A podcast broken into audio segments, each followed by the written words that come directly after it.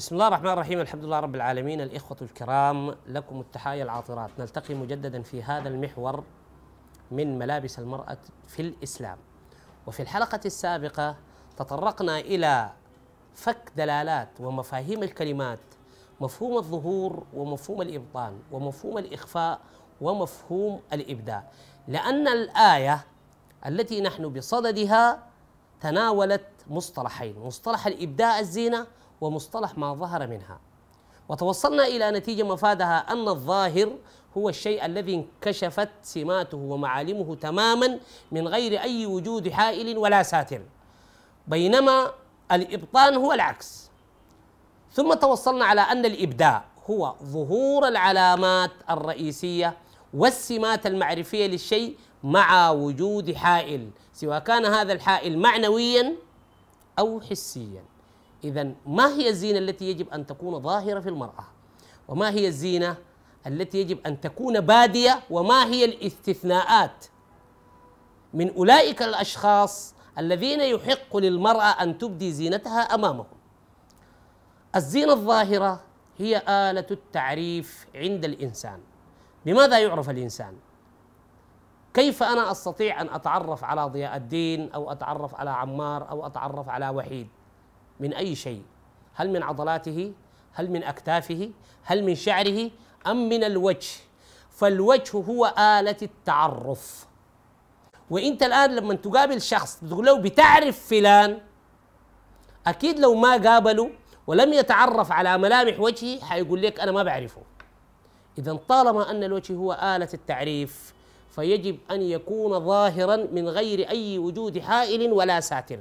وبالتالي أصلوا بكم إلى هذه النتيجة التي لا يمكن قد لا يتقبلها البعض. كل الدول والأنظمة القانونية التي تمنع النقاب في الأماكن العامة والمؤسسات مثل المطارات هي قد أصابت أكثر مما أخطأت. إذا المرأة لا يحق لها ارتداء النقاب إلا إذا خافت الفتنة على نفسها. إذا في الطبيعي وفي الشيء الطبيعي يجب أن يمنع النقاب. يعني ما تقول لي الخلاف في مسألة النقاب خلاف معتبر. أبدا ما خلاف معتبر. إخفاء آلة التعريف مشكلة. وكما ترون الآن الكثير جدا من الجرائم بدأت تظهر بسبب إخفاء آلة التعريف. هي مرأة ترتدي النقاب وقد لا تكون امرأة من الأساس ربما يكون مجرم. ربما يكون تاجر مخدرات ربما يكون مهرب في العملة ربما يكون ربما يكون. ولكن المجتمع يقابله على أنه امرأة منتقبة. أنا لا أقول النقاب حرام. أنا أقول هو يجب أن يمنع. ليس من منطلق ديني وإنما من منطلق تنظيمي قانوني خاصة في المؤسسات الدولة الكبيرة مثل المطارات وغيرها. ولا يجب للمرأة أن ترتدي النقاب إلا إذا خشيت الفتنة على نفسها. يعني المسألة هنا بتكون تقديرية عند المرأة.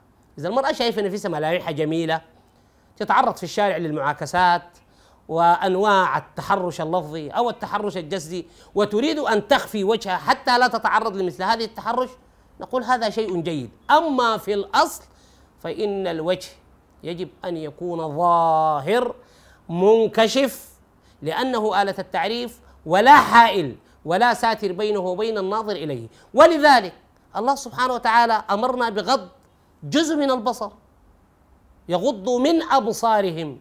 أصلا يا جماعة لو الأصل أن المرأة تكون منتقبة أنا ليه أغض بصري يعني؟ أغض بصري من شنو؟ ما فائدة الأمر بغض البصر.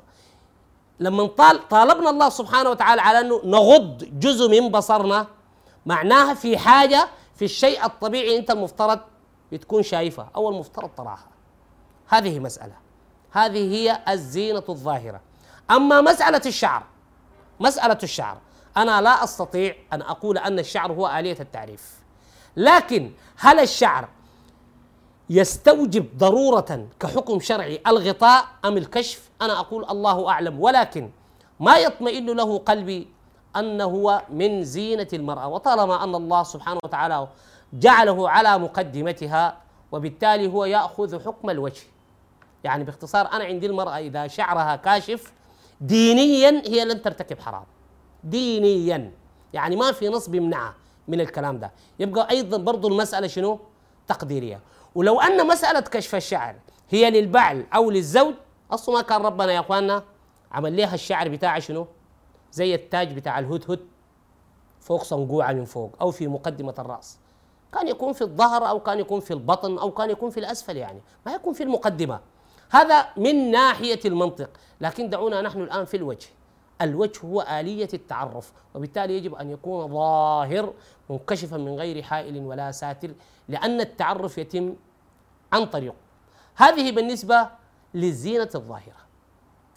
أما الزينة البادية وكما ذكرنا أن مفهوم الإبداع هو ظهور العلامات والسمات التعريفية لكن ضرورة يكون هنالك ساتر أو حائل. تظهر هذه العلامات من خلاله. ده الشيء البادي. الشيء البادي ما الشيء الظاهر. طيب الزينة التي يجوز للمرأة أن تبديها أمام صنف معين أو أجزاء معينين من الرجال الذكور. طيب في هذه الآية ذكرت الآية مجموعة من الذكور من الرجال. الأبناء الآباء البعول أبناء البعل الإخوان أبناء الإخوان أبناء الأخوات. كل هذه لو نلاحظ إلى هذا السياق هو سياق ذكوري ليس فيه أنثى. ولكن في منتصف هذه السياق وردت كلمة غريبة جدا. أو نسائهن. هذه كلمة يجب أن تستوقف المتدبر. لماذا ذكر الله في هذا السياق مجموعة من الذكور؟ بالتوالي من البعل بعولتهن أبناء بعولتهن آبائهن أبناء بعولتهن أو آبائهن إخوانهن بني أخواتهن بني أخوانهن ولكن نجد كلمة نسائهن. هذه الكلمة أنا أعتقد من التي وقع فيها إجماع التفاسير على الخطأ. والغريب في الأمر أن كلمة نسائهن لم تأتي مطلقة وعامة. يعني الله سبحانه وتعالى ما قال النساء. قال نسائهن. يعني أن هنالك مجموعة من النساء مخصوصة يجوز للمرأة أن تبدي زينتها أمامهم مثل هؤلاء الذكور من المحارم. نسائهن. إذا ما هي هذه المجموعة من النساء المخصوصة. لو ذهبنا إلى التفاسير نجدهم قد وقعوا في مأزق. لم يجدوا مخرج لبيان مفهوم كلمة نساء أو نسائهن في هذه الآية. وطبعا عندهم شماعة جاهزة يا جماعة. عندهم شماعة جاهزة. فوبيا كده. اسمها اليهود والنصارى. قالوا أن المسلمة يجوز أن تبدي زينتها أمام المسلمات. ولكن يجب أن تستتر ولا تبدي زينتها أمام اليهوديات والنصرانيات لأنه بيفشوا أسرارها. وطبعا هذا تفسير فطير وفقير لا يمكن أن يقوم على سوق. لأن كلمة نسائهن غير مبينة نسائهن. هل هم صحبات في الجامعة؟ دفعة في الجامعة؟ صحبات في الحي؟ المشتركات معها في خطة الصندوق زي ما يقولوا؟ ما في تخصيص. إذا كلمة نسائهن زد على ذلك كله. هذه الكلمة وضعت في منتصف سياق. سابق ولاحق كله يتحدث عن الذكور والرجال. فما الذي أقحم الأنثى هنا؟ حتى أن بعد هذه الكلمة تقول الآية أو التابعين غير أولي الإربة من الرجال. لتؤكد الآية أنه لا مجال لإقحام الأنثى هنا. إذا كلمة نسائهن دي يا جماعة ما نسوان. ما حريم. ما إناث. لا بد أن يكونوا ذكور. طيب في نساء ذكور؟ هذا ما سنتعرف عليه في الحلقة القادمة إن شاء الله. إلى أن ألتقي بكم أترككم في حفظ الله ورعايته. السلام عليكم ورحمة الله تعالى وبركاته.